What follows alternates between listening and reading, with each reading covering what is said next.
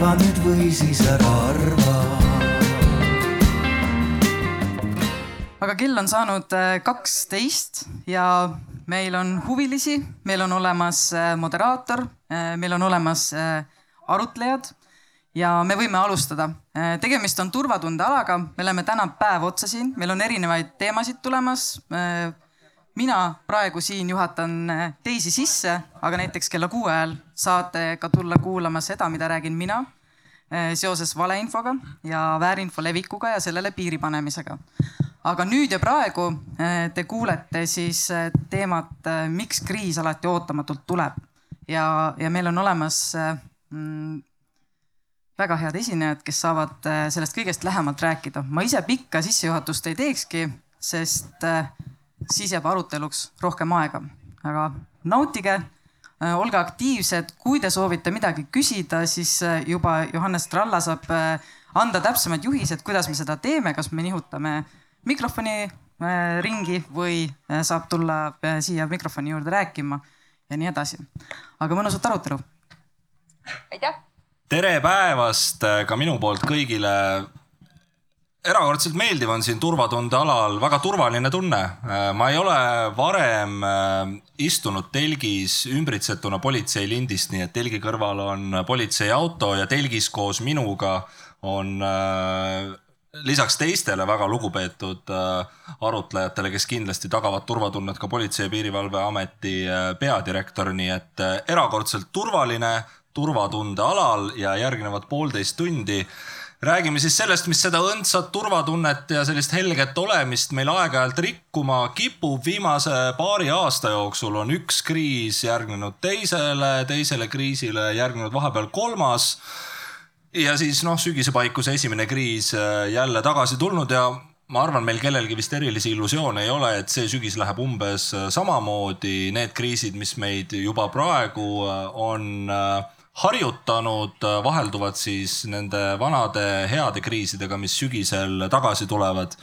kas me oleme riigina uue kriisi juhtimiseks päriselt valmis ja mida me saaksime möödunud aastate pealt õppida, see on üks küsimus, millele me täna siin äh, vastuse püüame leida ja ja mõtleme ka lahtiselt, et ehk oleks meil ikkagi aeg kriisideks valmistuda nii, et keegi tundmatus kohas vette hüppama ei peaks, vaid paneme kõik oma tugevused kohe mängu. mida see tähendab, saate siis äh, järgneva pooleteist tunni jooksul teada, aga mul on hea meel siis tervitada äh, juba nagu öeldud, Politsei- ja Piirivalveameti peadirektorit Elmar Vaherit minu kõrval istub Päästeameti hädaolukorra, hädaoru, häda, ma püüan selle hädise diktsiooniga nüüd kuidagi hakkama saada.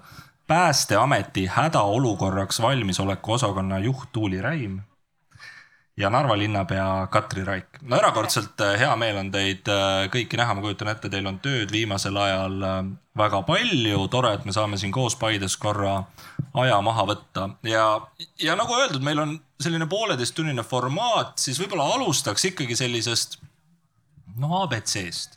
teeks üldse selgeks, millest me päriselt räägime, kui me räägime kriisiks, kriisist Elmar, mis asi on kriis, kuidas, kuidas me ära tunneme, et nüüd on kriis?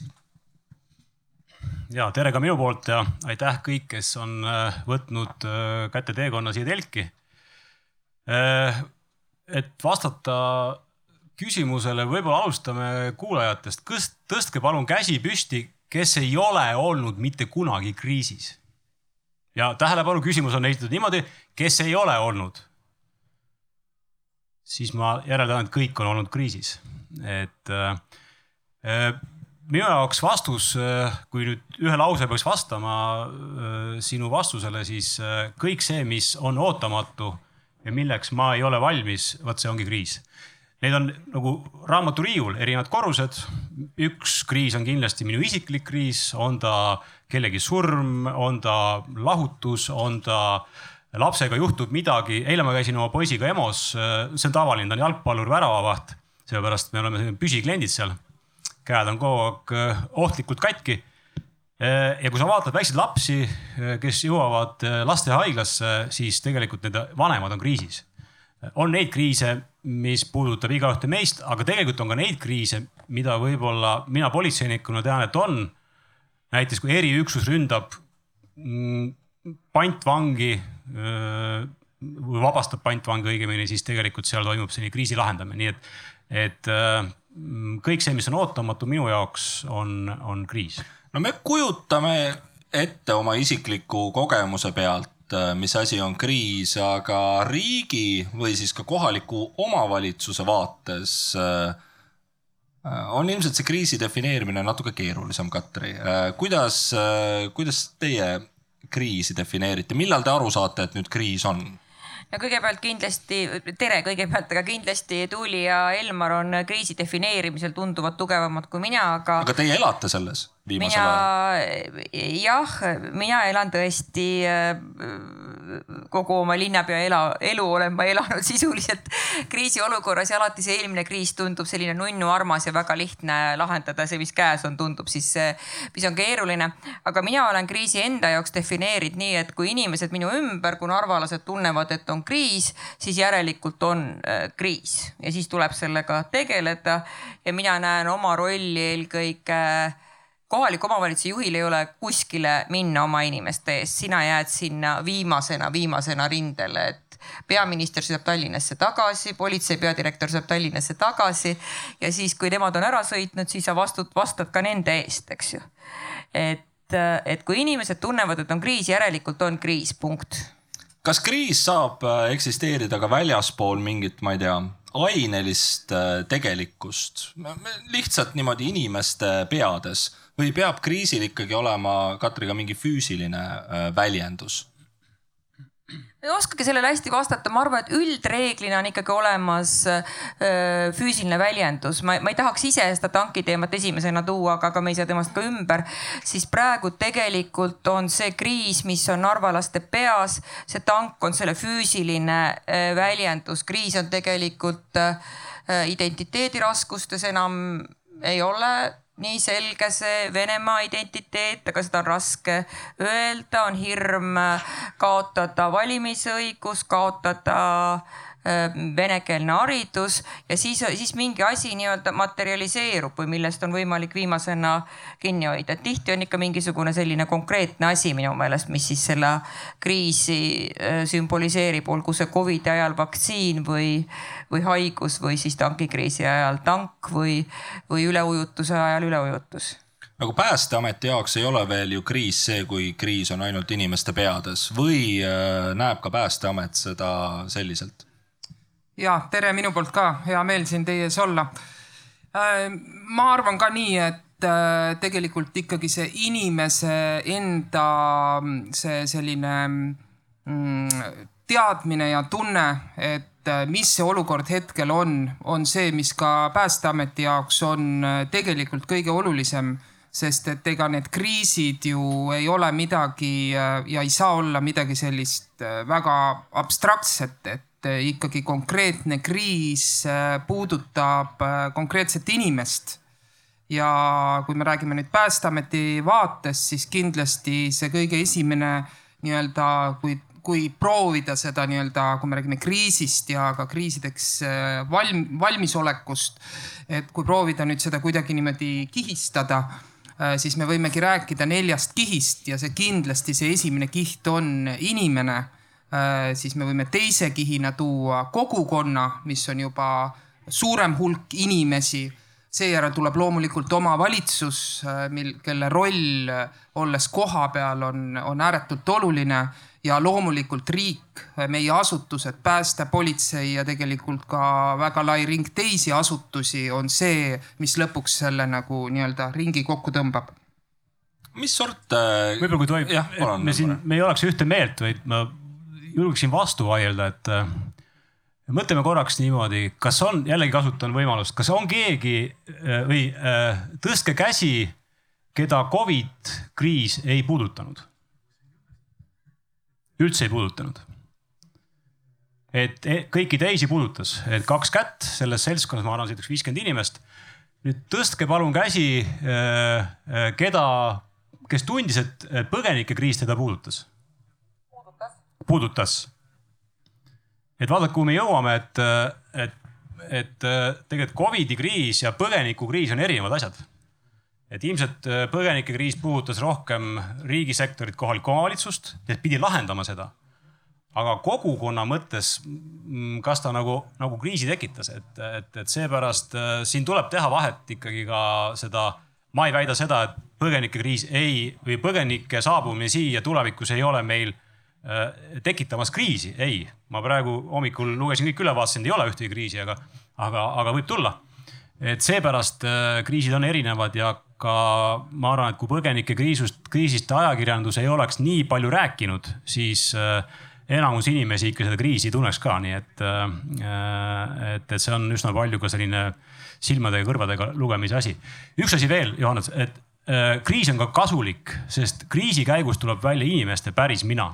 See on ülioluline teada, et kriisi, kriisi lahendamise Eh, hetk on see, kus inimese päris väärtused avanevad ja selle kaudu on võimalik inimestel väga-väga palju õppida. mina olen teinud kriisis olles väga palju vigu, ise õppinud, sest mul on olnud head teejuhid ja, ja öelnud, et Vaher, panid puusse. no see oleks muidugi kohe huvitav küsida, mis see viimane valus õppetund oli kui sa ise nii niimoodi avameelselt kohe selle välja käisid?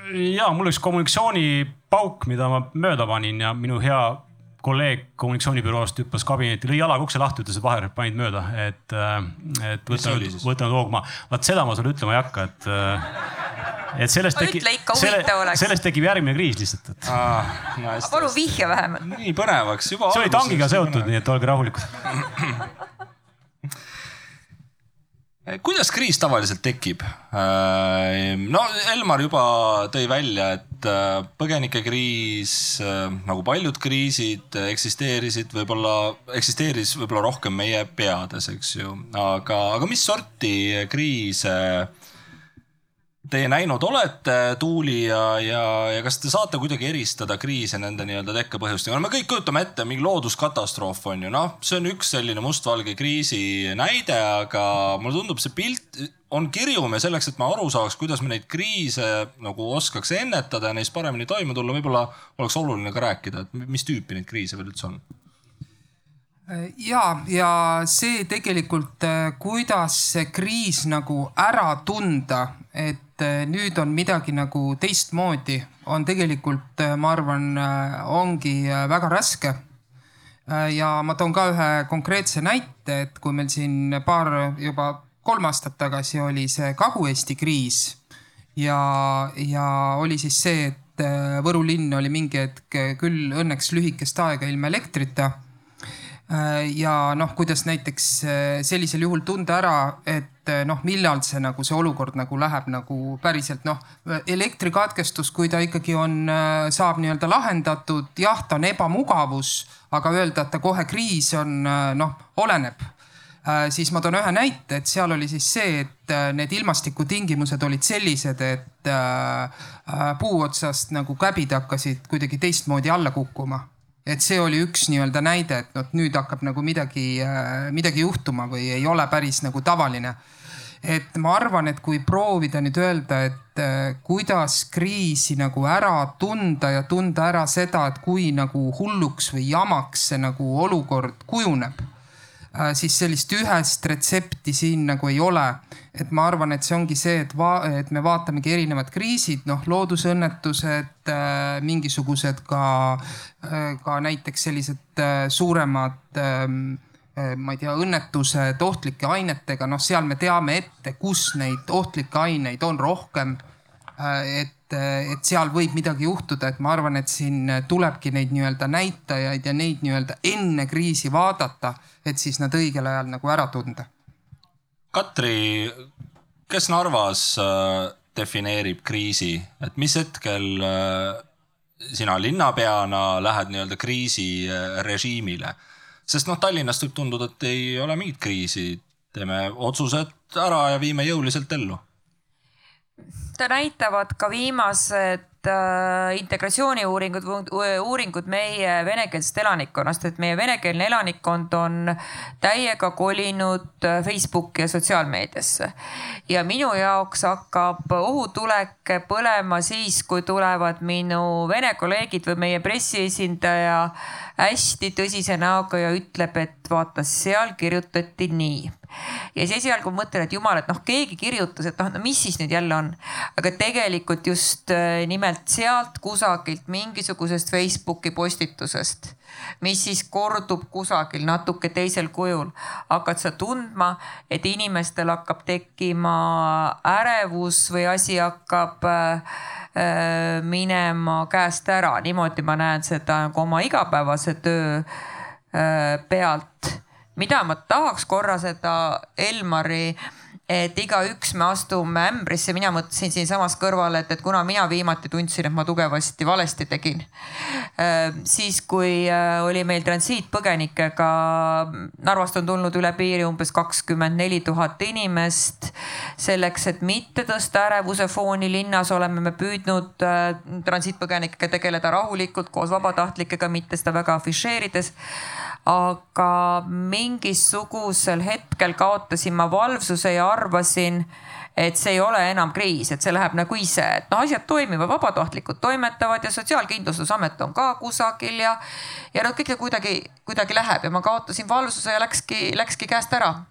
et, et tuleb seda, tuleb tunda algust, aga tuleb ka, tuleb ka kuidagi minna, minna päris lõpuni, mitte anda nagu valel hetkel alla või valel hetkel kaotada valvsust.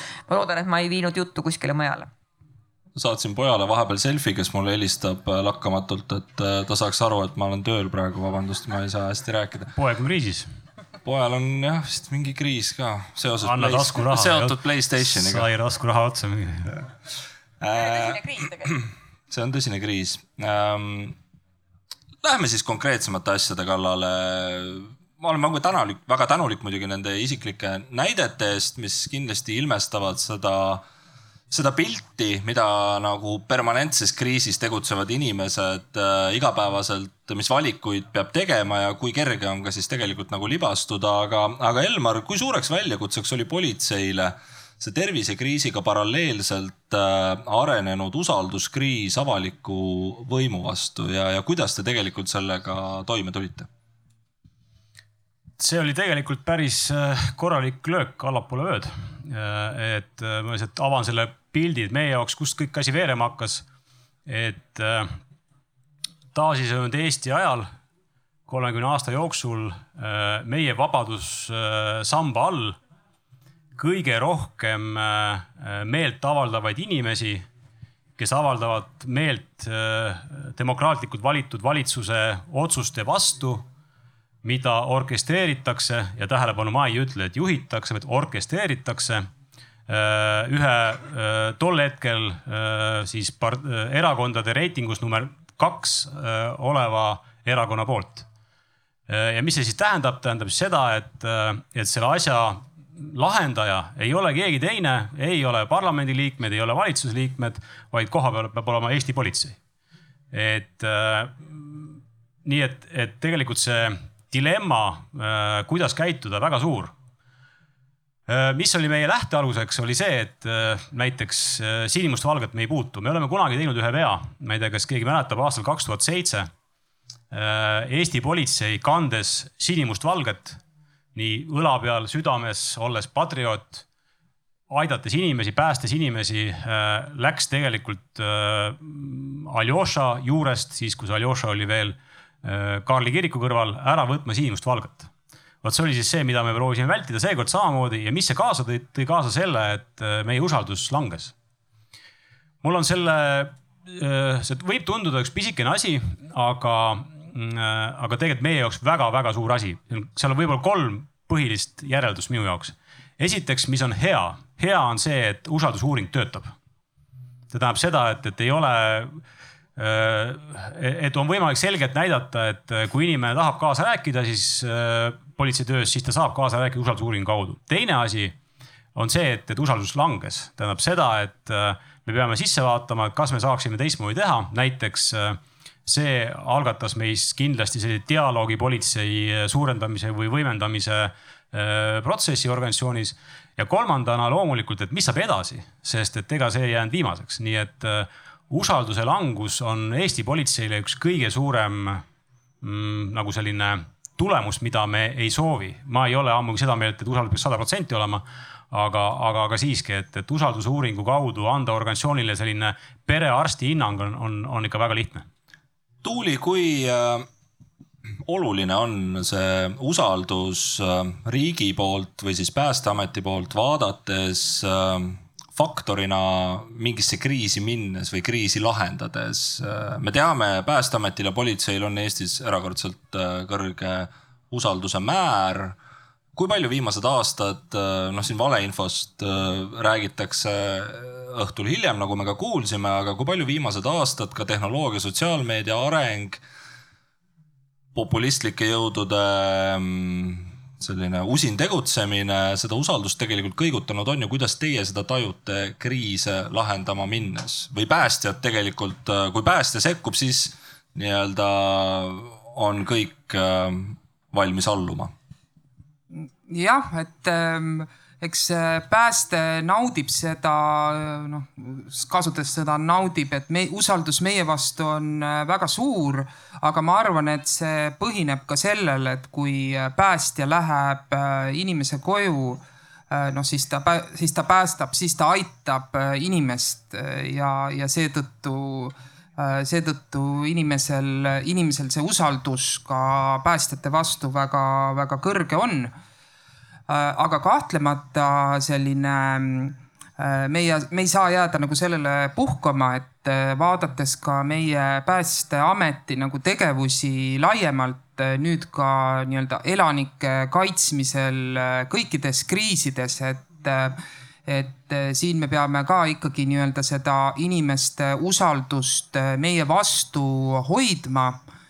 ja see võib tähendada ka seda, et kui Äh, kui Päästeamet ütleb, et äh, nüüd me peame viima läbi äh, ulatusliku evakuatsiooni, sellepärast et inimene, sinu elu on ohus, sest kui sa jääd sinna, siis sa võidki päriselt lõpuks saada surma siis meie jaoks on oluline, et inimesed usaldavad meid selles olukorras ja tegelikult meid ka kuulavad. nii et tegelikult seda tööd on veel üksjagu ees.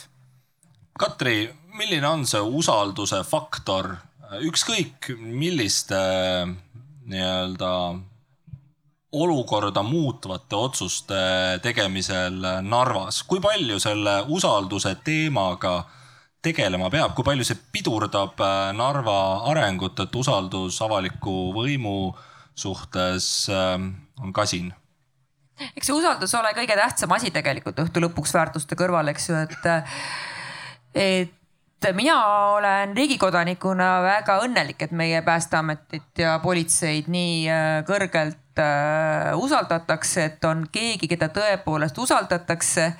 ja me oleme siin viimastel päevadel kõik kahelnud, mida, mis, mis inimesed need Narva linnavolinikud on, siis näiteks needsamad Narva linnavolinikud kutsusid viimasele volikogu istungile ilma minu näpunäiteta kohaliku politsei ja pääste, et neile äh, aitäh öelda ja, ja mõlemad, nii pääste kui politsei küsisid, torisid, et kui kaua see jama kestab ja kuna saaks minna tööd tegema, eks ju. aga, aga see on tegelikult äh, suur asi, et me saame kedagi niimoodi usaldada. Ja lõpptulemusena eks kõigis kriisides, mida mina kohaliku omavalitsuse juhina olen mm, läbi teinud, on nii politsei kui pääste olnud ka parimad partnerid, et tegelikult on meil selles mõttes asjad ikka päris hästi. aga mis puudutab usaldust, siis eks see ongi ju võib-olla kõige raskem hetk üldse, kui see usaldus nagu ära kukub, eks ju, kui selgub, et ei ole usaldust äh, tihti me ajame segamini, kas usaldust valitsuse või riigi vastu, et võib-olla ju, et ei usaldata seda konkreetset poliitilist jõudu, aga seda väga tihti öeldakse, et ma ei usalda riiki, eks ju, et need asjad peaks ikka endast ka äh, lahus hoidma ja kohalikul tasandil äh, mm, on usaldust raske hoida. no Narvas on, äh, Narvas on praegu kõik asjad ühes potis, nii et inimesed kutsuvad mind Kajaks ja Kajat Katriks ja mis seal siis enam, eks ju, et, et, et, et seal ei ole nii, äh, selles mõttes on praegu kehvasti jah, usaldusega riigi vastu ja kehvasti usaldusega ka kohaliku võimu vastu ja eelkõige vahest selles mõttes, et jällegi minu meelest kohaliku omavalitsuse juht ei saa oma inimeste eest peituda, eks ju, oma kabinetti või, või, või nende riba, ribikardinate taha üheksandal mail. et eks siis peabki seletama, et mille poolest omavahel äh, erinevad Saksa kalmistu ja Nõukogude tank, eks ju. või kas inimene on äh, haakrist või ei ole, ei ole, eks ju. et, et sa pead lihtsalt seletama, seletama ja seletama ja mingil hetkel sa siis siin samastatakse riigi esindajatega, kes on rääkinud täpselt sedasama juttu ja siis nagu polegi kedagi usaldada, nii et kuidas usaldust nüüd uuesti üles ehitada peale seda, kui äh, tankikriis laheneb ja see, see peab lähimatel päevadel lahenema, teist võimalust ei ole. siis ausalt öeldes minu süda valutab täna sellepärast rohkem, et kuidas nüüd siis seda usaldust teha, mida öelda inimestele kahekümne esimese augusti kontserti eel, mis on need õiged sõnad, eks ju. mis on see õige ajaleheartikkel, mida, äh, mida, mida kirjutada, äh, mida teha edasi, et ega kui kriis, ega sellega, kui kriis saab ka läbi selline asi, mida me kriisina defineerime, siis tuleb sellest ju kuidagi edasi minna targemana ja tugevamana ja ma ei tea, kas me selles oleme maailma parimad, seda ma ei oska öelda. Katri, sa tead seda, et, et Narvas käib ringi uudis, et, et ma kutsusin sind Arvamusfestivalile Paidesse sellepärast, et laupäeval tank ära viia et sind ei ole siis, et sind ja mind ei ole Narvas, siis saab tangi ära viia rahulikult et.... kas see on Aga siis tea... nüüd vale uudis või nii tehaksegi? mis te arvate, keegi on lugenud, kusagil on mingi tangi teisaldamine käib või? ei no teine, teine. meie, meie ei vii, ma ei tea, võib-olla keegi teine viib teine versioon on see, et, et mina ei taha minna täna rahvaga suhtlema, kui nad kell neli 4 Äh, kogune-, et ei, et kui rahvas täna kell neli koguneb, siis, siis mina olen hoopistükkis Paides, eks ju. et, et ma lihtsalt kardan inimesi, nii et selles mõttes me oleme saanud sinuga suure tähelepanu osaliseks Narvas tõesti oma reisiga äh, Paidesse. no meil on raske äh, sellest tankist mitte rääkida, seda näitab juba see, et ma isegi vist seda tanki sõna nüüd kasutasin esimest korda praegu.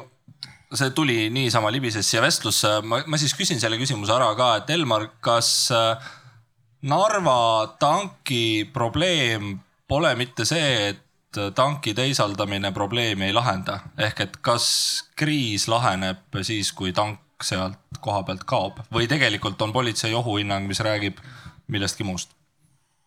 no peab alustama sellest, et need inimesed, kes minu hinnangul ei, ei tohiks Eestis elada äh,. ei tohiks Eestis elada need inimesed, kes vihkavad Eestit, aga armastavad Putinit. et siis tuleks minna elama sinna, kus on tore. Et kuidas on niimoodi, et sa naudid Eesti elu Eestis ei ole kunagi elu olnud nii hea, kui ta praegu on. et sa sööd siin hapukoort ja, ja võtad pensioni välja ja, ja, ja kõik nii. käid Apollo kinos Narvas ja, ja, või kus iganes Lasnamäel või, või kasvõi siin Paides. aga vihkad seda riiki, kes sulle seda kõike nagu pakub. et nende peas ma arvan, et see tank äh, ja tema äraviimine kriisi ei lahenda. et ta ikkagi on selline, nagu ta on. Samas äh, oleme optimist äh, nähes ja, ja palju rääkides Katriga ja, ja, ja, ja kuulates oma kolleege, siis äh, Narva on minu arvates muutuses, väga selgelt muutuses. ma võib-olla politseijuhina ei saa kõike rääkida, aga, aga uskuge mind, et, et seal on väga palju tunnuseid, kus, kus on näha, et, et see selline meelsus on, on teistsugune. ma toon ühe näite võib-olla, mis meedias ka läbi käis. üks monumendi sodimine Narva keskkonnas ja inimene, kes sodis, tahtis anda mingi sõnumit. ta ei osanud enam kirjutada vene keeles, ta ei kasutanud vene tähti. ta oli sassis tähed. see tähendab seda, et ta, et kui ta ei oska kirjutada, ju ta ei oska enam siis seda mõista ja aru saada. see võib viidata ka muidugi lihtsalt harimatusele. ma ei, ma vastan otse, ei ole harimatuses küsimus, et, et seal on haritud inimene ja, ja kirjutada oskab küll, aga lihtsalt ei ole enam käes, ei ole enam võib-olla lugemisoskust, et lugeda mingi Putini poolt kirjutatud artiklit. aga ma küsin veel kord selle üle, et kas politsei, ma saan aru, et kõigest ei saa rääkida, aga kas politsei nii-öelda praegused ohuhinnangud Narvas, siin hübriidohtudele on pühendatud ka, ma saan aru, järgmine arutelu, aga noh, olles neid erinevaid hübriidstsenaariume oma peas läbi käinud, siis see, mis Narva sees ootab, tundub nagu väga täpselt äh, sobituvat mingisse mustrisse. kas politsei ohuhinnang ütleb, et seal võib veel tõeline kriis puhkeda siis, kui seda tanki teisaldama minnakse või see on juba teisaldatud? ma ei usu, et see äh,, siin palju loobitakse sõnu aprilliööga, et, et ma sellesse ei usu.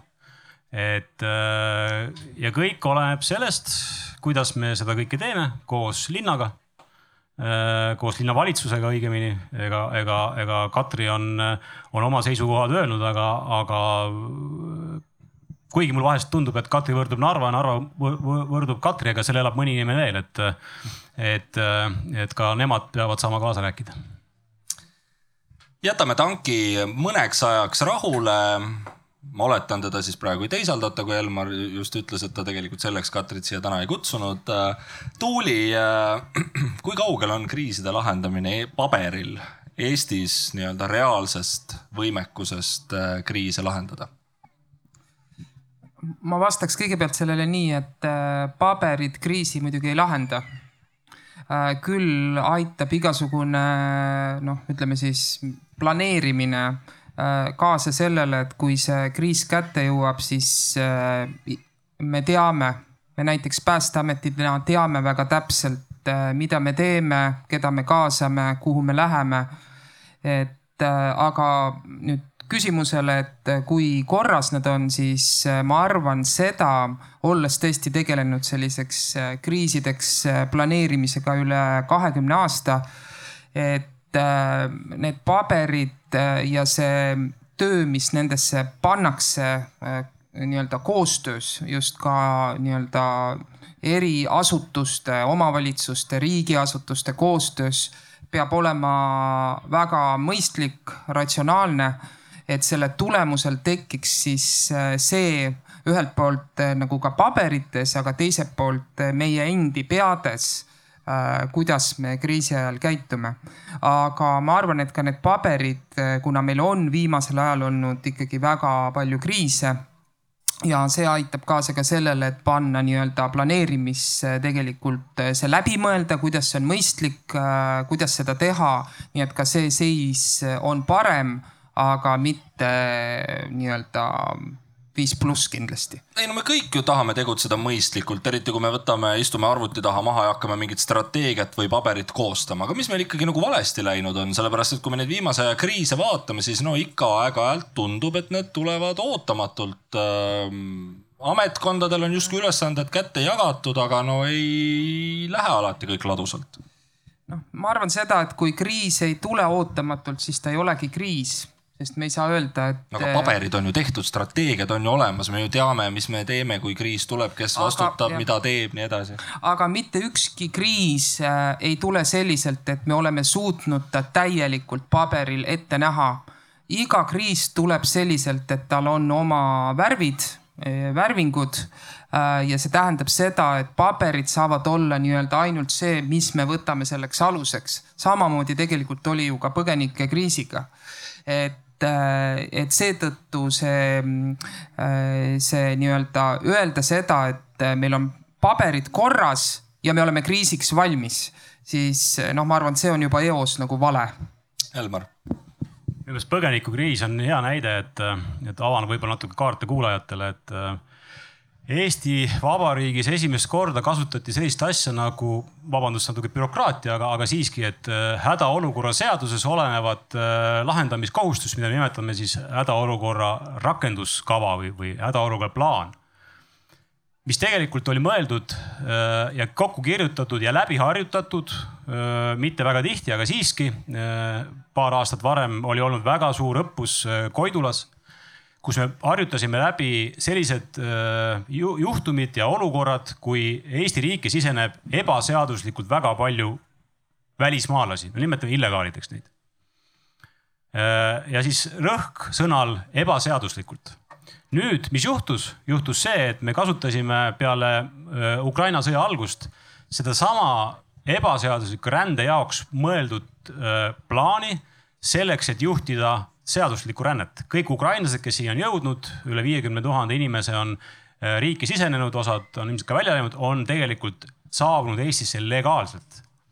vot see on üks hea näide, kus, äh, kus me peame selle plaanide nagu, ma tahaks öelda, sellist plaani sellisest nagu dogmast lahti saama, et, et äh, minu üks hea kolleeg ütles ja, enne Ukraina või selle põgenikriisi algust, et kui sul on plaan, siis läheb plaan tuksi kui sul ei ole plaani, siis läheb kõik tuksi. et, et seepärast äh, hea näide väikse riigi plaanimajandusest, mis tegelikult töötab, et äh, saab kohandada äh, saab teha, saab sättida ja üks mõte veel, ma räägin pikalt, võib-olla politseijuhi värk, et patrullis käia võib-olla ei oska, aga pläriseda oskan.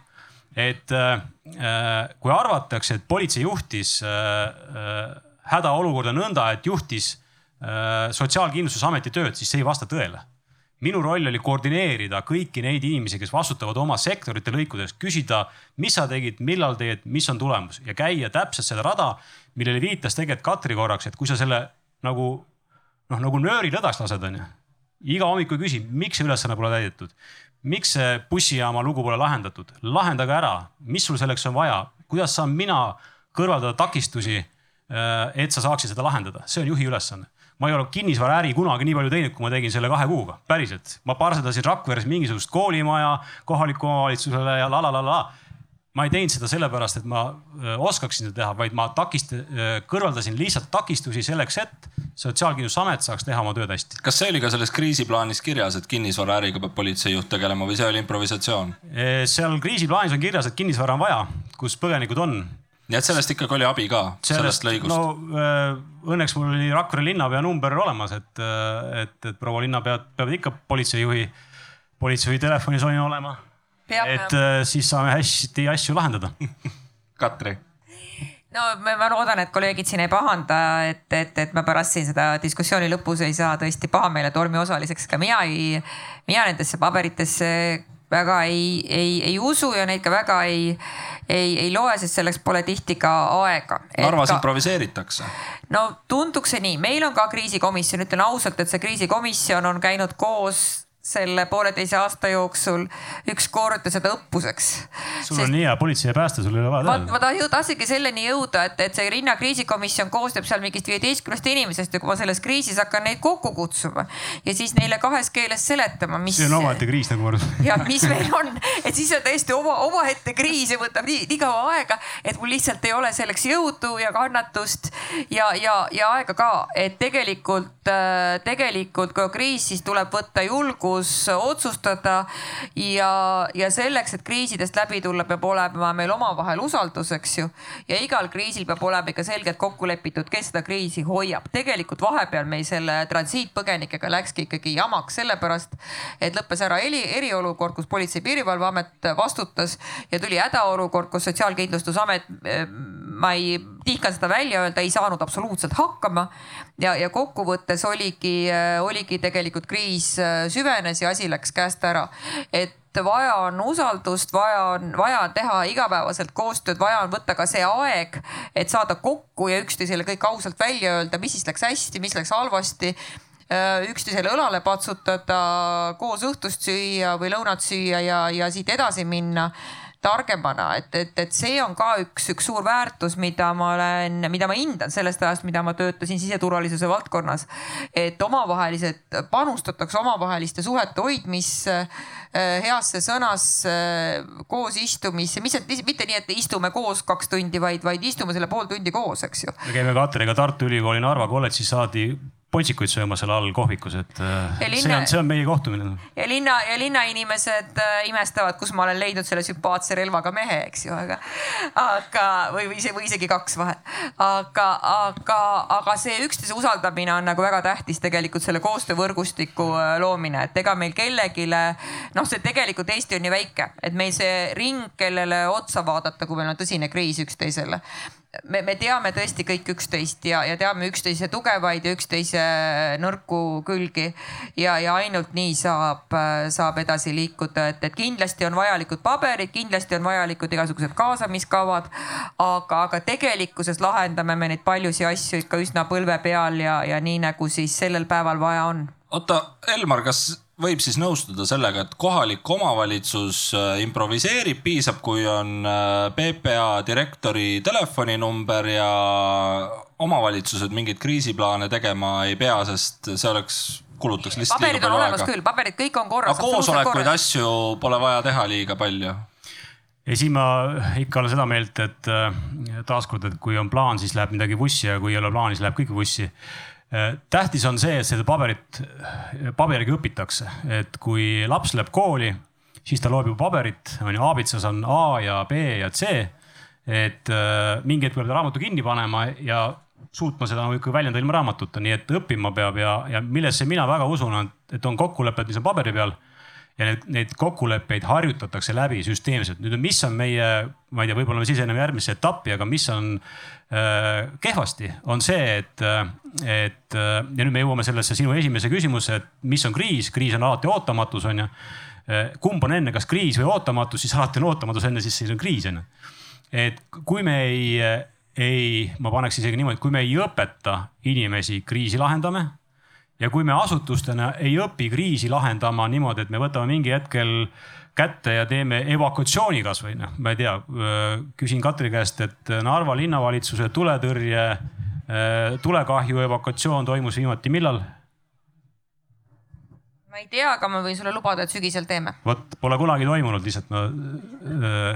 see on üks näide, et kui, kui, kui inimesed tulekahju puhul ei oska lahkuda kontorist siis teate, see ongi kõige suurem asi, kõige hullem asi, sest et siis on paanika, siis on kriis. kui ma tean, et mitte, et peaks iga nädal seda harjutama, et siis on juba kõigil ükstaskõik on ju, et siis ei võeta seda tõsiselt, aga, aga, aga, aga see, et kui massiliselt hakkavad inimesed liikuma, trepist alla jooksma, siis juhtub see kõige hullem asi, et talatakse iseennast surnuks, et seepärast, mida ma tahan öelda, pika jutu kokkuvõte on see, et neid plaane tuleb harjutada päris eluliselt, selle asja nimi on liveX, live exercise et, äh, et need tuleb panna eluliselt käima lihtsalt. Tuuli, meil on olemas need head plaanid. me kujutame ette, et me oleme kriisideks valmis, nagu Elmar ütles, kui plaani pole, siis on kõik kaos, aga viimaste kriiside näitel, millega ka Päästeamet seotud on, siis mis tegelikult on nagu teistmoodi läinud, kui plaanis kirjas oli ja, ja kui suurt äh, peavalu äh, see ka kogu ühiskonna vaates põhjustas ma püüaksin äh, tuua konkreetse näite abil nagu vastust, et äh, või mõtteid, et äh, epideemia näide, Covid, et mitte üheski näiteks Päästeameti plaanis ei olnud kirjas seda, et me hakkame tegema väga tihedalt sellist koostööd just omavalitsustega selleks, et riigipoolne info jõuaks omavalitsusteni ka enda peas ei osanud mõelda, et äh, sellises olukorras võib see osutuda vajalikuks äh, nii suurel määral ja see võtab ka meilt äh, väga olulise ressursi. teine näide, mitte üheski meie plaanis ei olnud kirjas, et me hakkame viima laiali, kui oli see Covid eriolukord, isikukaitsevahendeid omavalitsustele, asutustele, aga ometi me seda tegime, sest see olukord seda nõudis, kuna Päästeametil on olemas äh, vastav logistiline nii-öelda varustatus. nii et ähm, noh, see toobki esile seda, et igas kriisis minu arvates äh, nii-öelda äh, nii-öelda võimenduvad teatud vajalikud tegevused mida me plaanis oleme alahinnanud või me ei ole plaanis suutnud üldse ette mõelda. ja nii Covid kui minu arust ka põgenikekriis on selle üks väga hea näide ja ma arvan, ükskõik milline on järgmine kriis, neid samamoodi tuleb esile kas me nüüd siis kirjutame lihtsalt paremaid plaane või nüüd me oskame plaaniväliselt reageerida paremini?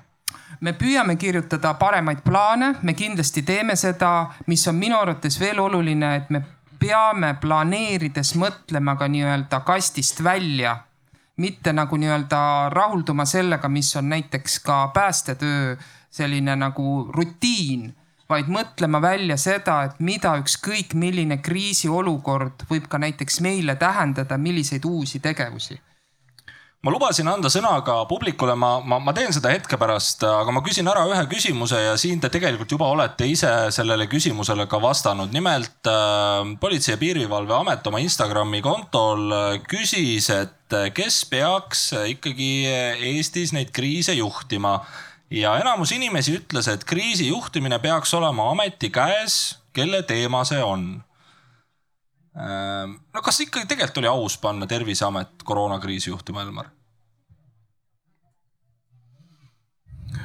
terviseametis on kindlasti selle ala kõige paremad eksperdid.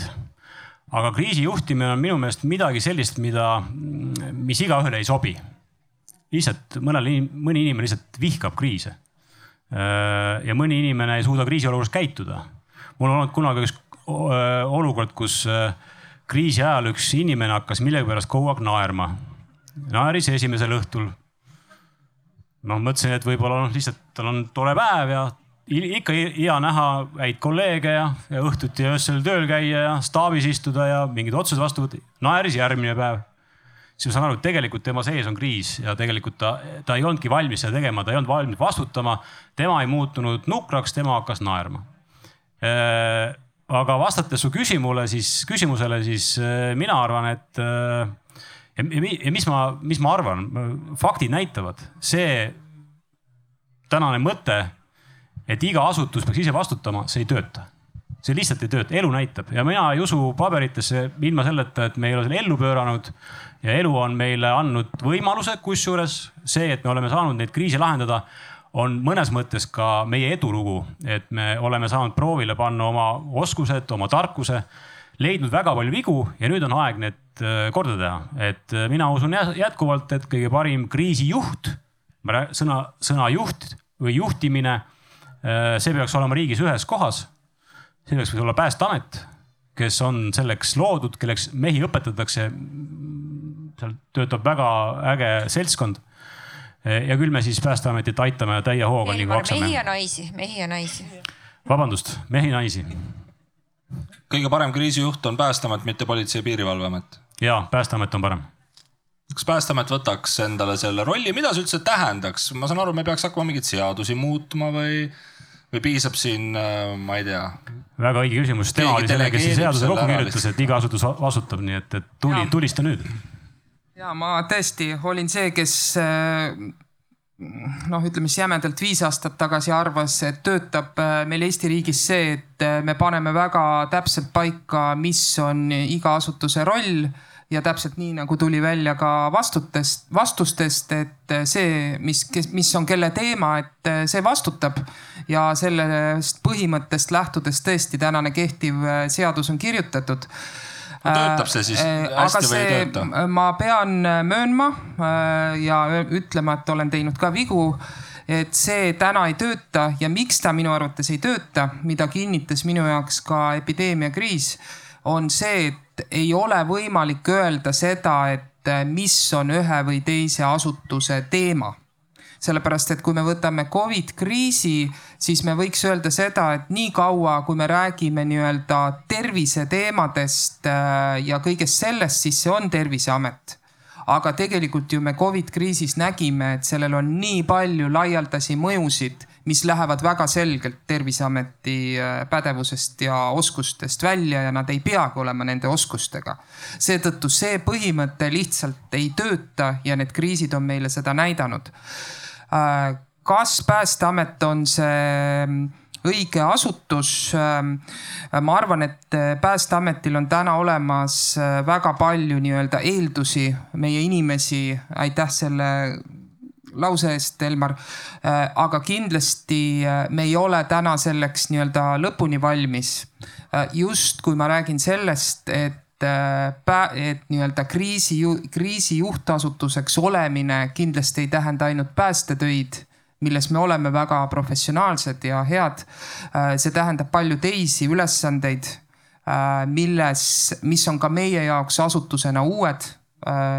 ehk seal me peame kindlasti nii-öelda saama kompetentse ja teadmisi juurde ma ei tahaks kellegi tuju rikkuda, aga kooli alguseni on jäänud äh, umbes kolm nädalat või veidi vähem. koroonaviirus pole maailmast ja Eestist kuhugi kadunud. me räägime siin sellest, et me peaksime õppima nendest varasematest kriisidest, aga no mida me siis nüüd õppinud oleme, kui me läheme sellele sügisele vastu umbes sama targalt.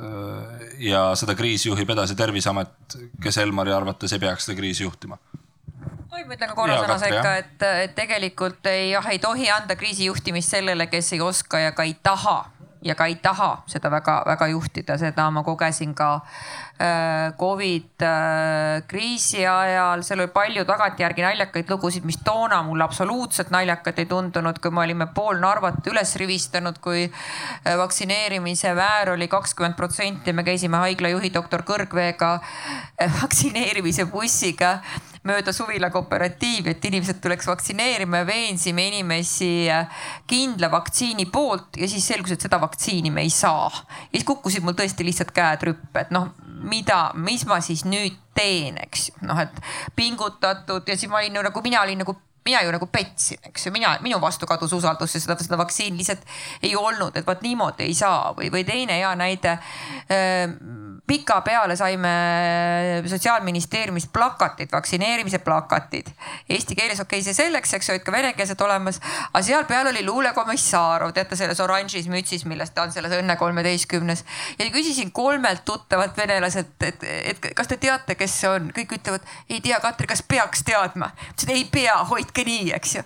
et, et noh, niimoodi lihtsalt sõbrad ei saa, eks ju, et tegelikult peab ka kriisis säilitama nii-öelda kaine mõtlemise ja empaatia empaatiavõime ja saame aru, mida tehakse, et, et selles mõttes, kui näiteks Narvas oleks suur reostus, siis ma tegelikult äh, tean, et ma peaksin helistama Keskkonnaametisse, aga ma helistaksin päris kindlasti Päästeametisse, päris, päris kindlasti Päästeametisse et mingisugusel viisil need asjad, kuidas kriisi tegelikult lahendada, on juba inimeste peas, ma arvan, nagu juurdunud, et on kaks võimalust, kas Päästeamet või Politsei- ja Piirivalveamet. ja kõik need teised võimalused tulevad juba siis, kui keegi püüab sind veenda, et, et püüa see või teine juht kätte võtta. politsei ja päästejuhtidega igal tasemel on see, et nad lihtsalt kõigile võtavad telefoni vastu, mis on väga armas. mitmele, mitmele mujale poole helistamisel sa ei, ei, ei saa ka, ei võeta su kõne vastu ja lõpptulemusena on vist üks raskemaid asju, mille peale ma tõsiselt plahvatasin ja karjatasin, oli see, kui üks kõrge riigiametnik teatas, et Narva, oli seesama vaktsineerimine, et noh, kus siis sellel nädalavahetusel nüüd siis vaktsineerida, eks ju, mis kellast mis kellani. ja siis teatab mulle see kõrge riigiametnik, et need üksteisega kõrvuti asuvad kohalikud omavalitsused Narva ja Kohtla-Järve. Narva ja Kohtla-Järve vahele, sõbrad, jääb Narva-Jõesuu linn, Sillamäe linn, Jõhvi vald Toila vald ja siis tuleb lõpuks ka Kohtla-Järve. no sellise asja peale tõesti ei oska ikka mitte midagi muud teha, kui lihtsalt plahvatada, eks ju. et, et, et, et selliste inimeste kätte, palun vabandust, ei tohi kriisijuhtimist anda, lihtsalt ei tohi. aga mis siis juhtub kolme nädala pärast, kui meie teadvuses, kui see kena kõrgrõhu äh, hari, mis meid Paides siin praegu kõiki paitab ja sunnib unustama, et maailmas on äh, lisaks Ukraina sõjale, mis on ka õnneks, eks ju, ikkagi enam kui pooleteist tuhande kilomeetri kaugusel meist. ka endiselt koroonakriis ja see tabab meid jälle ootamatult, nii nagu igal eelmisel sügisel viimased aastad. mis me siis nagu teistmoodi teeme, mis me siis nagu õppinud oleme? kuidas me sellele viiruse või pandeemiakriisile siis nüüd paremini ikkagi vastu läheme, Elmar? ma pean tunnistama, ma ei tea. praegu sellisele küsimusele ei olegi mõelnud poiss käib ka koolis. mulle tundub, et äh, kõike seda infot äh, omades, siis ma ei teeks praegu, ei peaks nagu midagi teistmoodi tegema, et äh, kiirteste võib-olla peaks hankima. natuke nina torkima vahest, kui nagu käel on käre. et nii me vist lähmegi koolile vastu, sest ma ei usu, et kolme nädalaga suudetakse ka väga suur nagu teisiti plaan kokku joonistada või, või vähemalt rakendama asuda. aga kas keegi peaks nagu võtma selle kriisi juhtimise üle Terviseametilt? Pagan, ma oleks pidanud ikkagi kutsuma siia veel kellegi paneeli on ju, et Terviseametist, aga. no ta piisab, kui te kõik üksmeelselt äh, nõustute, siis seegi hea teadmine muidugi äh, sellest paneelist või, äh, või tegelikult Terviseamet saab sellega suurepäraselt hakkama ma arvan seda, et selle Covidi vaates, et eks üks järelm või õppetund on see, et me peamegi selle Covidiga elama ja me oleme ju ühiskonnana tänaseks sellega võib öelda kohanenud et kui tõesti meenutada neid äh, Covidi eriolukorra aegseid äh, nii-öelda aegu ja ka seda, mis pärast oli, siis mõned tegevused võivad isegi tõesti nagu Katri ütles, et tunduda naljakana. et kui me pesime tänavaid ja mõtlesime, et siis me saame selle Covidile vastu. et ma arvan, et. kraadisime inimesi sadamates. ja kraadisime inimesi ja, ja et need tõesti tunduvad täna sellised äh, kuidagi üle, üle võimendatud tegevused. pull asi, et kas keegi teab, äh, mitu inimest see kraadimisega äh, Covid positiivne üles leiti?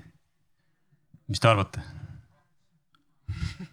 null aga need äh, termomeetrid, sadamas oli nii. Need edevad termomeetrid on Elmar siis kodus sul või? tead, see oli tõsine tegevus, et sellest kraadimisest tööst lahti saada. ma lihtsalt vaimusilmas kuulsin, mõtlesin koomiksid Postimehes või, või Õhtulehes, kuidas politsei vormis äh, politseinik fööni asemel või relva asemel siis kraadib inimesi, et, et ei, me ikkagi aitasime lahendada teistmoodi seda kriisi, mitte ei kraadinud inimesi, seda tegid Terviseameti töötajad, tegelikult noored meditsiinitudengid, kui ma hästi mäletan.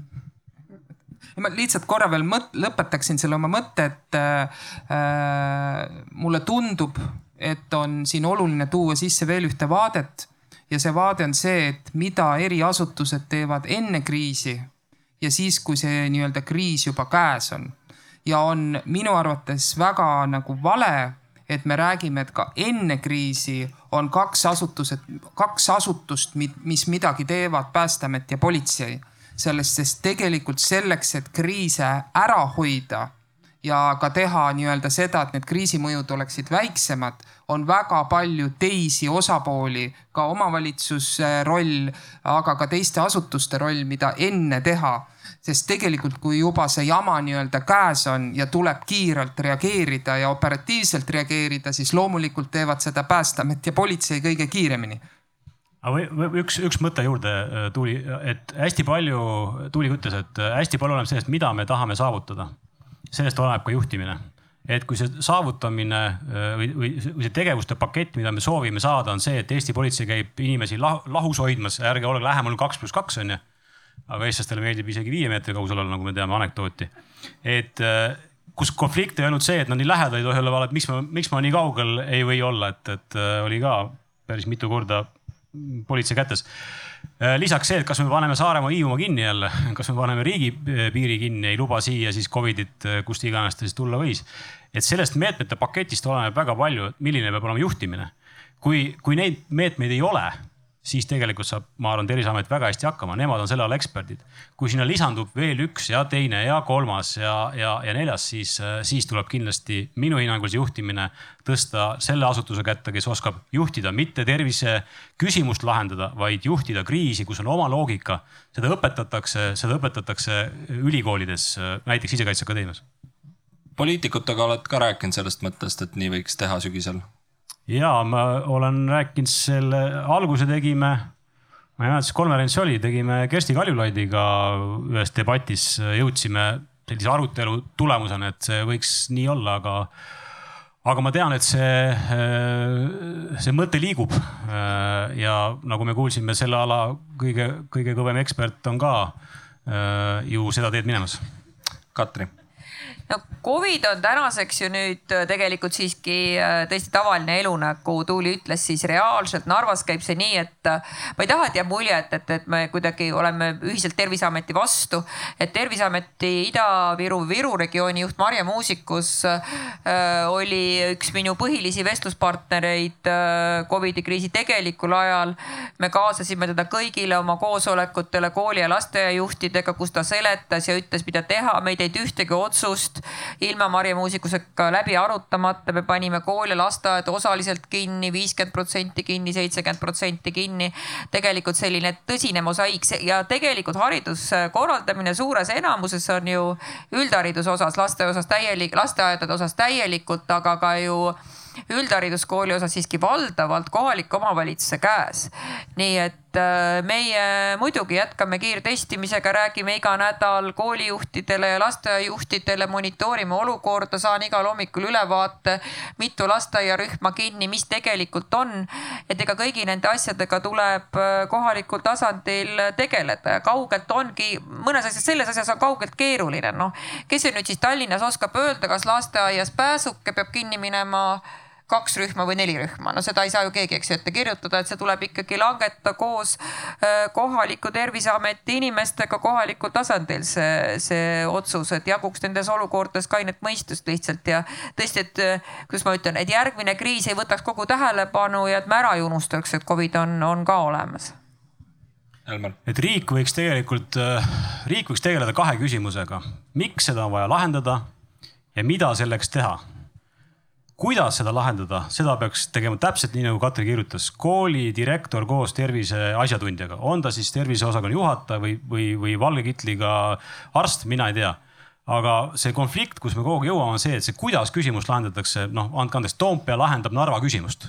see ei tööta lihtsalt, lihtsalt ei tööta, see on see hea näide, austades Õnne kolmteist ja luulekomissaarovit, aga, aga no nii eest naejuk too luulekomissar Narvi ette et ja teine asi, kriisideks tuleb valmis olla ka nõnda, et me õpetame oma lapsi kriisi ära tundma ja lahendama.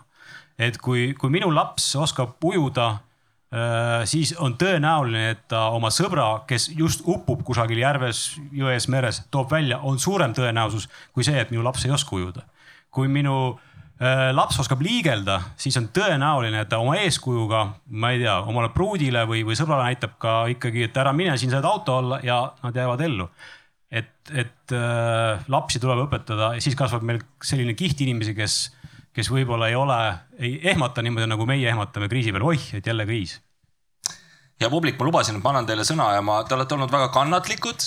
tund aega me oleme siin seda mõnusat vestlust pidanud, aga kui nüüd keegi soovib midagi küsida, kommenteerida või lihtsalt välja hõisata, ma näen seal üks, üks soovija on, siis tulge palun äh, siia lähemale. Äh, siin lava kõrval on äh, mikrofon selle tumba peal. punase järgi mees on alati Päästeametist, ma tean. väga hoogne. väga, räägin otsa siia või? jaa arvasid ära, ei anna käsi ja tere, kolleeg. oot-oot-oot, no õige hea. et sinine vorm on mul kapis. Eh, ma näidan, räägin natuke enda taustast, et ma muidu astun seal sisse niimoodi ja, ja eh, see on väga minu neljas teema. panelist. see on väga minu teema, mis siin käib. ma tulin, ma jäin natuke hiljaks, ma ei kuulnud üldse, mis see algus oli, aga ma saan aru, et kriis. siis minu teema on siis, minu taust on siis selline, et siin on näha, ma olen päästja juba kolmkümmend aastat, ma olen päästjast juba pensionil, ma töötan seal edasi. eks ma olen inimene põllult. siis täna hommikul lõpetasin ma kiirabivalve, ma olen kiirabis juba üle kahekümne aasta, kiirabi autojuht. siis äh, vabariigi algusest saadik üheksakümnendatel, kui moodustati Kaitseliit, olen kaitseliitlane, tankitõrjekompanii kapral. ja nüüd kaks aastat siis äh, abipolitseinik äh, patrullis et see teema kõik on, on väga minu teema. aga nüüd eh, ma püüan püüdsin kinni ühe, millest ma nagu tahaks rääkida eh, nagu selline kriisiteema ja ma võtan selle pildi nagu selles mõttes laiemaks, räägin nagu üldse Eesti inimestest. sest et mul, ma räägin konkreetsetest näidetest. Eh, Otepääl Pühärve puhkekodu, paljud on käinud, teavad, suur asutus sealsamas lähedal oli mingisugune spordivõistlus, nii et, et see hoone oli paksult rahvast täis ja rahvusvaheline seltskond, soomlased, rootslased, norrakad ja samas sattus sinna üks eestlaste pulm. Ta oli päevane aeg, kell oli kaks-kolm päeval ja äkki saime siis Pühärve puhkekodus tulekahjuhäire. nüüd see evakuatsiooni teema, et, et, et kõik peaksid tulema nüüd sealt hoonest välja ja see on nüüd minu jaoks ühtepidi see oli kurb ja teistpidi see oli, see oli väga õpetlik ja kolmandat pidi see oli naljakas. ma olin meeskonnavanem tollel hetkel, meeskonnavanem läheb siis sisse, sinine kiiver peas, täisvormis.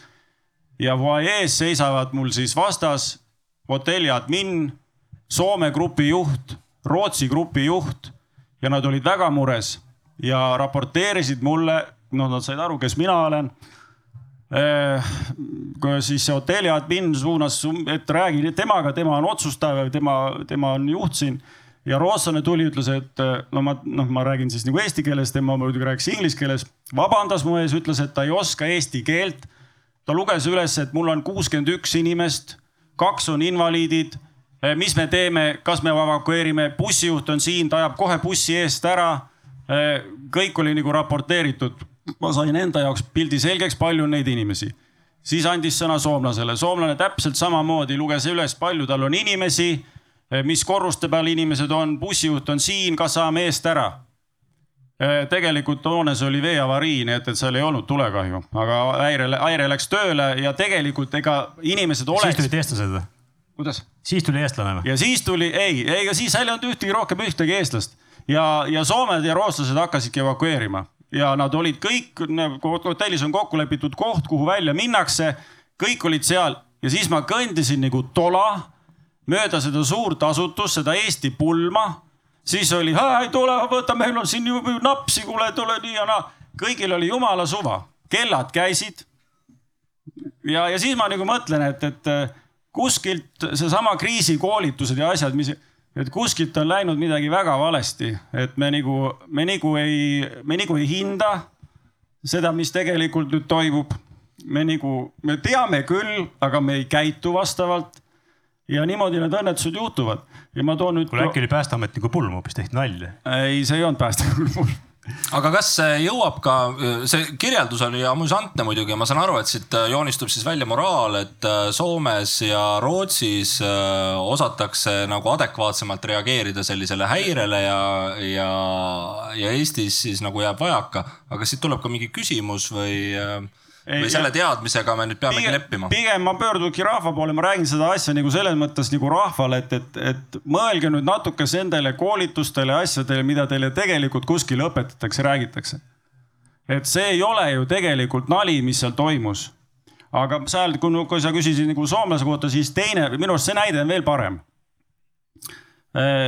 kõik, kes õpivad päästekoolis, seda räägitakse igale nii-öelda igale mutrile et äh, Eestis uppunute arv, pakkuge palju, noh, lihtsalt suvaline arv, pakkuge palju Eestis aastas uppub inimesi. no saad. Äh, no okei okay,, kuskil, see on tegelikult ulmearv, Eestis upub kuskil kuuskümmend, seitsekümmend inimest aastas. nüüd pakkuge, palju upub Soomes, kus on, palju Soomes rahvaarv on, neli miljonit, kui palju? viis miljonit, palju upub Soomes aastas inimesi?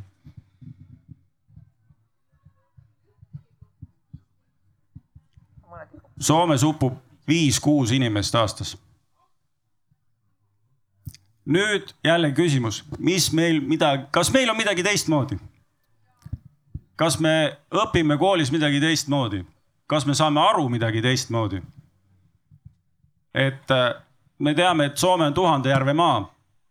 me teame, et soomlased alkoholiga piiri ei pea, joovad võib-olla rohkem kui meie aga kuskilt on neil see teadmine tulnud, et purjus peaga vette ei minna suur aitäh, ma pakuksin võimaluse välja veel äh, mõnel inimesel äh, kas küsida või äh, esineda mõtlemapanevate numbritega, palun, siinsamas saab mikrofoni. aga võimalusel Küsimusele. kompaktselt. ja kompaktselt ja, ja kohaliku omavalitsuse tausta ja kolmanda kriisiga seotud ka suhteliselt palju, aga no arutelu käigus oli, et nii-öelda see kriisi juhtimine, et äh, ilmselgelt oma kogemust, et Päästeamet on see kõige parem ja tegelikult kõik kõrgemad riigiasutuse juhid ütlevad ka, et Päästeamet võiks keskelt kriisi juhtida, sest neil on ka kõige tugevam kogukonnaga side, et arvestades seda, et elaniku, elanikkonna kaitse koolitamine, ennetustöö, kõik muu, nad tunnevad kohalikke hästi palju ja see võrgustik on suhteliselt suur. et tänasel hetkel kindlasti Päästeametit ei tohiks nagu koomale tõmmata, vaid kriiside valguses tegelikult see võrgustik on hea, et aga mille taha see täna jääb? Et me ei otsusta riigis ära, et kui tegelikult kohalikud omavalitsused ütlevad, et Päästeamet võiks see olla meie partner. politsei peadirektor ütleb, Päästeameti peadirektor ütleb seda, et kuhu see nagu kinni jääb, et millise poliitiku taha või millise erakonna taha, et, miks see keskvalitsus meil ei suuda seda otsust nagu ära teha, et mida, mis oleks väga mõistlik elanikkonna jaoks. Tuuli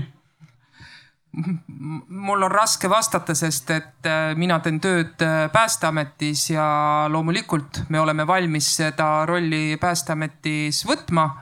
ja siinjuures äh, ma ei tea, kas mul pärast tekib võimalus, kutsun teid ka Päästeameti elanikkonnakaitse telki. tulge vaadake, seal on veel täpsemalt elanikkonnakaitse teemasid ja asju, mida, mida saab, saab teha ja, ja mida vaadata. aga meie oleme valmis see vaja on tegelikult ressursse, eks ju, nii inimesi kui, kui raha, et see funktsioon endale üle võtta, eks ju, poliitilist otsust ja seejärel ka siis ikkagi ressurssi, et te selle, selle töö saate ka endale võtta ütleme siis seda ressursivaadet öeldes äh, on siis selliselt, et äh, kindlasti viimastel aastatel ka Päästeameti just selline kesktasandil, mis me oleme pannud kriisiteemade peale, see osakond, mida ma ise juhin, on viimase kolme aasta jooksul põhimõtteliselt kahekordistunud aga kui me võtame nüüd Päästeameti võrgustiku tervikuna, siis kindlasti seal, kui me võtame endale juurde uusi ülesandeid ja neid on juba tänaseks tulnud, see tähendab ka ressursilist nii-öelda küsimust, jah. Elmar seda mõtet äh, kindlasti toetades ja, ja igal pool, kus ma vähegi saan ja ka täna siin äh, rääkides, siis seal on veel üks konflikt, mis tuleb ära lahendada, on selline eestlase jonn. ja milles see eestlase jonn äh, seisneb, see seisneb selles, et nüüd nad tulid ja hakkavad meid juhtima. et äh, võib-olla vastuküsimus, äh, kes küsimuse esitas, kas sina oled valmis kohaliku omavalitsuse esindajana aktsepteerima seda, et Tuuli võtab selle kriisileiva särgi ära, paneb äh, furaška pähe ja tuleb tuletõrjekiivriga appi sinu kohaliku omavalitsuse asja juhtima?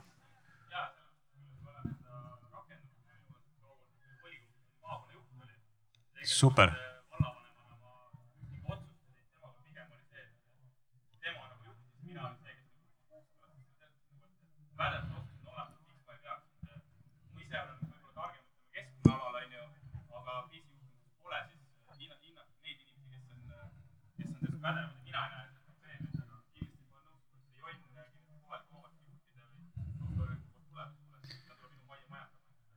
Ja, ja mitte, et äh, rääkida kogu probleemidest, siin on ka lahendus minu arvates jonni murdmiseks või ma olen ka jonnakas sõnn ja eestlane ja kõik tuled-viled kokku, onju, et aga mees ka kokkuvõttes veel politseinik peast, aga äh, äh, seda jonni saab lihvida, vähendada läbi selle, et kui me päriselt harjutame. kui Võru linn või Paide linn harjutab pääste eestvedamisel see ei pea olema mingi Covidi kriis või, või, või mingi maailma suurim kriis on ju, et vaid pisikesi asju, kooli evakuatsioon. on ta mingi suurem keemia tsisterni ümberminek, mis mõjutab jõge, mis läheb kindlasti Paidest läbi, ma ei tea, Paides mõni jõge kindlasti on, on ju, et et seda saab kõike nagu harjutada ja selle kaudu läheb see jonn tegelikult nagu ma, arvan väiksemaks, et et, et see tuleks ära teha, aga, aga Johannes, su küsimusele vastates, et kus, mille taga see on, et et äh, kui siit igaüks äh, võtab kaasa selle mõtte ja on nõus ja kirjutab peaministrile kirja, mina toetan, et Päästeamet on Eestis kriisijuht, siis ma ei tea, kuidas Kaja selle ampsu alla neelab, et, et ta ei pääse selle eest, ma arvan. teeme ära või? kes on vastu ärge, ärge see näidake ma ei teagi, kas asi on tegelikult alati jonnis, asi on ikkagi selles, ka selles samas usalduses, eks ju, et kui on äh, Päästeameti äh, kohaliku juhi äh, vastu või siis selle vastu, kes, kes juhib usaldus, kui ma tean seda inimest ennem. ma tean, et ta, ta saab, et, et, et ta saab sellega hakkama, ta suudab seda tõesti juhtida. käid ülikooli kohvikus ponšikuid söömas? no käin vajadusel ponšiku, kindlasti käin ka ponšikuid söömas ja, ja, ja kui see ja kui, ja kui juht kaasab, eks ju, et, et siis keegi ei tunne ennast kõrvalejäetuna, siis on see parim lahendus aga siis see peabki olema, et peab olema usaldus ja peab olema veendumus, et tegemist on, on professionaaliga, eks ju, et siis, siis on, on, on muidugi ju hea meel keeruline ülesanne enda pealt äh, ära anda, aga kui sa ei tunne, ei usalda, siis sa kahtled, et kurat teab, et äkki ei oleks äh, ise parem pusida. kas on veel publikul tähelepanekuid, küsimusi? ole hea, Rasmus väike sissejuhatus. minu hinnangul on äh, meie riigiasutused, tean omast käest, saavad selliste klassikaliste Eesti kriisidega väga hästi hakkama, selles pole küsimus. aga viimase aja nii energiakriis, põgenikekriis, sõda, selle põhjustajad on ju äh, Putini režiimi aastakümneid kestnud ajupesu, mis sõltumata sellest, äh, millega lõpeb sõda, kestab veel kümme, kakskümmend, kolmkümmend aastat sõites hiljuti äh, mööda Narva jõge Narvast Peipsisse, kohates kohalikke piirivalvureid äh, ja Narva elanikke, noh, nad usuvad, et näiteks üks tõenäoline järgmine kriis on põgenikevool Venemaalt Eestisse, milleks PPA on valmis. aga see ajupesu jätkub ja põhjustab järgmiseid ja järgmiseid kriise ja nüüd ma küsin, et kas me ei peaks tegelikult oma tähelepanu suunama infosõja võitlusesse mille üks element on äh, üks džentelmen Narvast, kelle nimi on Georg või Jegor, kes on Tiktokis kolmeteistkümne tuhande kuuesaja vaatajaga igapäevane postitaja, kellest kirjutas hiljuti ka Õhtuleht, kelle muuhulgas postituste sees on piirivalve politseiameti mundris vormis tehtud postitused, kus ta käib lauaviinapudeliga ringi kelle iga postitus on sellest, kuidas Eesti riik teeb kõike midagi valesti, kõik on halvasti Kaja on süüdi, meile valetatakse, tanki ei tohi ära viia ja nii edasi, nii edasi, tal on kolmteist tuhat kuussada jälgijat. rohkem kui Narva elanikke jälgib ükskõik millist eesti keeles või Eestis toodetavat meediakanalit. ma ei tea, palju jälgib üldse venekeelset Aktuaalset Kaamerat. kümme, kakskümmend tuhat inimest Eestis, eks ju. mis me teeme selle Jegori Georgiga? Sõidab ringi iga päev, postitab, mulle tundub küll, kui ta kannab veel PPA mundrit mingites postitustes. et ta on ju konkreetne kasulik idioot, tema on see, kes põhjustab järgmisi kriise, tema on see, kes ta oma tänahommikuse postitustega sellest, kuidas tanki ümber on pandud küünlad äh,, ässitab inimesi üles järgmiseid kriise eskaleerima võimendama. ja see on tore, et sa selle teema tõstatasid, mul oli plaan tegelikult sellest infosõjast rääkida, sest no nagu me juba siin vestluse alguses ka tõdesime, siis tegelikult suur osa sellisest äh, kriisi üleskütmisest toimub internetis, ma saan aru, et siin täna õhtul toimub ka veel tegelikult eraldi nii-öelda sotsiaalmeedia või infosõdade arutelu, aga mis me teeme siis selle, selle seltsimehega, kellest Rasmus sellega tuleb tegeleda loomulikult õhutamise. nüüd kas viimane. politsei on juba temaga vestelnud? viimane, ma pärast kuulan Rasmuse üle tunnistajana ja alustan kriminaalmenetluse ja, ja lähen siis menetlema seda, aga. aga kui ta nii mahukas vend on, küll me siis teame ja, ja äh, nii nagu äh,, nii nagu Raadi äh, sodijad äh,, nagu pronkssõduri sodijad me kätte saame, küll me siis need äh, Eesti riigi õõnestajad ka äh, kohtu ette viib, lõpuks viime no ma annaksin veel võimaluse publikule küsida, et pärast ei tekiks küsimust, et oli nagu arvamusfestival, aga, aga arvata ei saanudki või küsida ei saanudki. kas on veel kellelgi küsimusi, mõtteid? kõik on hästi? jaa, siit veel tuleb küsimus, nii, palun. tervist kõigile. Mind ajendas sõna võtma pigem see, et, et hea moderaatori küsimus täna siiski vastust ei leidnud.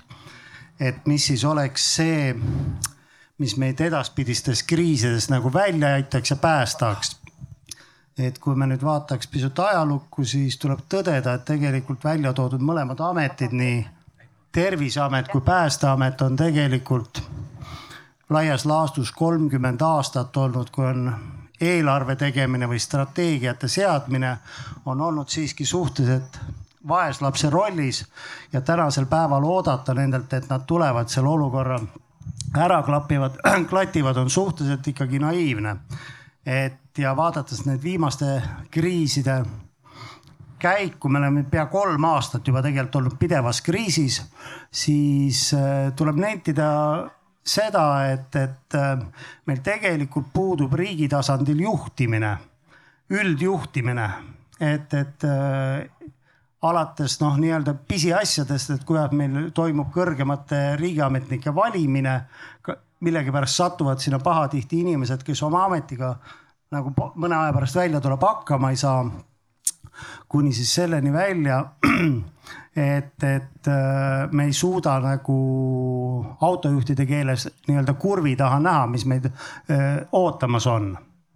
et ja siit tuleks pigem ikkagi leida selles mõttes selline või tekitada institutsioon, kes seda asja suudaks koordineerida, sest see kriis on juba ikkagi, nagu ma ütlesin, juba pea kolm aastat et, et seetõttu ma ei paneks siin ei kummagile ametile hagu alla, et noh, ei hakkaks kellelegi näpuga näitama. Aga, aga tuleks leida see nagu mehaanika, mis sel puhul käivitub automaatselt ja noh kui me laseme sinna poliitikud väga lähedale, siis tekibki lihtsalt paratamatult see, et poliitikud hakkavad oma lühiajalisi punkte, populaarsuspunkte noppima.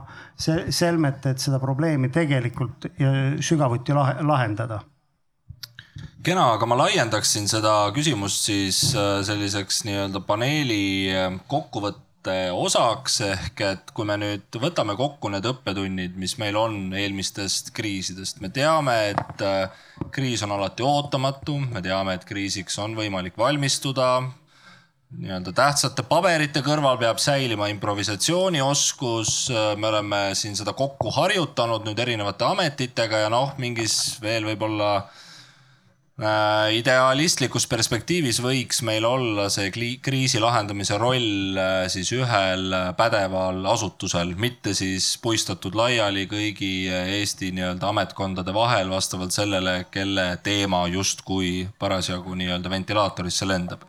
siis mis on nüüd ikkagi see, mis annab, mida me teeme teistmoodi, mida me teeme paremini sügisel, kui me juba teame, et mingid kriisid tulevad ja mis on need teie nagu konkreetsed ettepanekud, mida me nüüd ise peaksime hakkama ellu viima selleks, et meil kõigil elu oleks kergem ja, ja ootamatusi vähem? alustame siitsamast. ja ma korra tuleks tegelikult hea küsija nagu vastuse juurde, et kui me vaatame täna mm, elanike kaitseks tehtavaid tegevusi ja räägime tegevustest kõikides kriisides, sealhulgas ka sellest, kuidas me sõjalise ohu korral inimesi, meie enda inimesi kaitseme siis siin on mul tegelikult hea meel küsijale öelda, et Päästeamet on saanud sellel aastal väga suure ka nii-öelda ressursilise otsuse valitsuselt, et ja ka raha et täpselt nende elanike kaitseks vajalike tegevustega tegeleda. Need on näiteks see, et meil Eesti riigis tekib äh, äh sireenide äh, lahendus, et inimestest, inimestele luua ohuteavitus. loomulikult see ei ole kindlasti ainuke, sest sireen on ainult üks lahendus, ka teised äh, teavitus, kuidas inimestele teada anda, et nüüd on kriis ja kuidas käituda Äh, samamoodi me väga tõsiselt tegeleme varjumise teemaga jah, me ei saa ennast võrrelda Soome riigiga, kes on äh, aastakümneid selle teemaga tegelenud ja meil nüüd ei teki seda lahendust äh, kohe. aga lihtsalt vastates sellele, et see päris nii ei ole, et me ei ole midagi, et meil ei ole midagi, millega te, mille eest teha, on Äh, aga me oleme kindlasti, äh, see võtab aega, nende lahenduste loomine võtab aega. ja kui nüüd Johannes sinu juurde, et mida me teeme nagu teisiti äh, ma arvan, et me võtame kogu selle, mida me oleme nendest kriisidest õppinud, erinevatest kriisidest ja üks kriis, Ukraina sõda käib. ja, ja me teeme oma parima, et nii-öelda vajalikud tegevused selleks ära teha ja teiselt poolt loomulikult viia need ka inimesteni, sest meil ei ole kasu sellest, kui meil on olemas eh, näiteks avalikud varjumiskohad. Eh, meil on sireeni lahendused, aga inimesed ei tea, kui nad kuulevad sireeni häält, mida see tähendab, kuhu nad minema peavad ehk meil on kogu see, mis seisab Päästeametil koostöös omavalitsuste, teiste asutustega on ees, kuidas kogu neid tegevusi, asju viia ka inimesteni. sest eelmise küsija näide näitas ka seda, et kui me võrdleme ennast tõesti Rootsi, Soome, siis nendel see selline äh, krii-, noh nagu nagu teadmine kohe tegutseda on, on millegipärast äh, suurem ja noh, suurem on ta loomulikult sellepärast, et meie oleme nii-öelda viiskümmend aastat ajas maas. ma Kas mõtlen on... seda, kui me kuulusime või olime nii-öelda, meie ajalugu on natuke teine kui Soomel ja Rootsil. kas see on küsimus mingist teavituskampaaniast või see on küsimus, ma ei tea usaldusest äh, institutsioonide vastu? Äh, ma arvan, et äh, noh, teavituskampaania on üks kampaania, me räägime ikkagi regulaarsest järjepidevast tööst ja nüüd ka tööst seda näiteks, kuidas, kuidas kriisis käituda. Sellepärast, et me Päästeametis teeme regulaarselt uuringud, uuringuid, kuidas inimesed kriisiks valmis on ja mida me sealt näeme, et kriisiks ei ole valmis just need, kes on kõige haavatavamad ehk kortermajade elanikud, kes ei mõtlegi kriisile. et võib-olla veel kasutades, et kui palju, kui andke käega märku, et kui palju te olete läbi mõelnud oma tegevusi kodus selleks, et kui teil, et kas te saate näiteks nädal aega hakkama ise oma toidu, olete läbi mõelnud oma vee, kui teil vett ei ole. et kas te olete selliste asjade peale mõelnud, äkki andke käega märku, kes on no väga-väga hea, väga palju käsi, nii et ma arvan, et me oleme liikumas õiges suunas, aga töö on veel ees. Katri, no kas me oleme õppinud eelmistest monumentaalsetest kriisidest või ka väga väikeste osakestena meieni jõudnud äh, pahalastest, kes äh, meie ühiskonna elu on nagu korralikult segamini löönud, ehk et kus sa näed, et me edaspidi neid nende kriisidega paremini toime tulla oskame ja saame kui seni? üks asi on mul väga südame peal, millest ma kohe räägin, aga, aga ma arvan, et selle, et et äh, Päästeamet võiks olla kriise juhtiv keskne asutus, kellele on antud see õigus ja ülesanne, et selle peaks äh, ära lahendama lähimal ajal, et seda pole mõtet niimoodi edasi lükata, kui see üldine arusaam on ka siseturvalisuse ametites endis, eks ju, väga sügavalt olemas. iseküsimus, kui Politsei- ja Piirivalveamet ütles, et mina, meie tahame ka, siis oleks teine asjade, asjade, asjade seis. eesolevad äh, valimised võimaldaks vahest diskussiooni pidada, debatti pidada ja siis selle lahendusega leida leida, et, et ärme ootame väikeses riigis nende asjadega, mida me mõistame, et see oleks äh, parim viis, et ega järgmine kriis tuleb ja siis pole meil jällegi aega arutada, et kes seda parasjagu siis lahendama peab, et lahendab see, kellel, kellel jõudu ja südametunnistust äh, on. aga see, mis teeb mind murelikuks, on see, et me peaksime neist teemadest, meil oleks vaja rohkem kõneisikuid, kes nendel ükskõik millisest kriisist me võtame, kes julgevad äh, võtta, võtta sõna. Nagu see Jegor Tiktokis, mina näen teda ka vahetevahel, äh, on tõesti mõjuvõimas, aga kus siis on keegi teine, ma ei tea, ma ei tea, Juuri või Maria, eks ju, kes, kes räägiks asju teiselt poolelt, et, et mina mõistan, et on vaja vaktsineerida mina mõistan, et koolis tuleb äh, kiirtestida, mina mõistan, et sõjast tuleb rääkida ja sõjast tuleb valida pool. Äh, mina mõistan, et Eesti venelasel on raske, aga me oleme, me, me tahame siin elada ja ma armastan Eestit.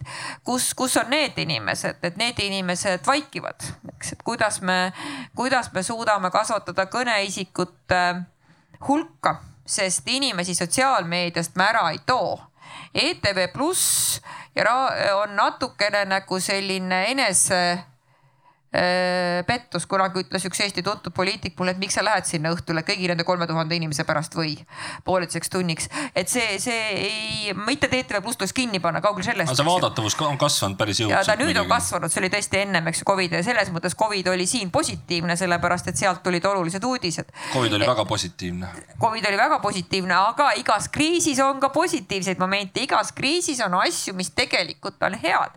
meeldib meile või ei meeldi, sellesama Raadio 4 Telia ja ETV Plussi ja, ja Eesti venekeelsete portaalide äh, vaadatavus, loetavus kasvas, aga ka usaldus kasvas, usaldus kasvas. ETV Pluss tõusis sama ka, äh, sama kõrgele, eks ju, kui, kui Venemaa, Vene, Venemaa poolt makstud Eesti, Eesti uudised ja see on oluline muutus, aga veel ükskord, me ei too inimesi sotsiaalmeediast välja eks.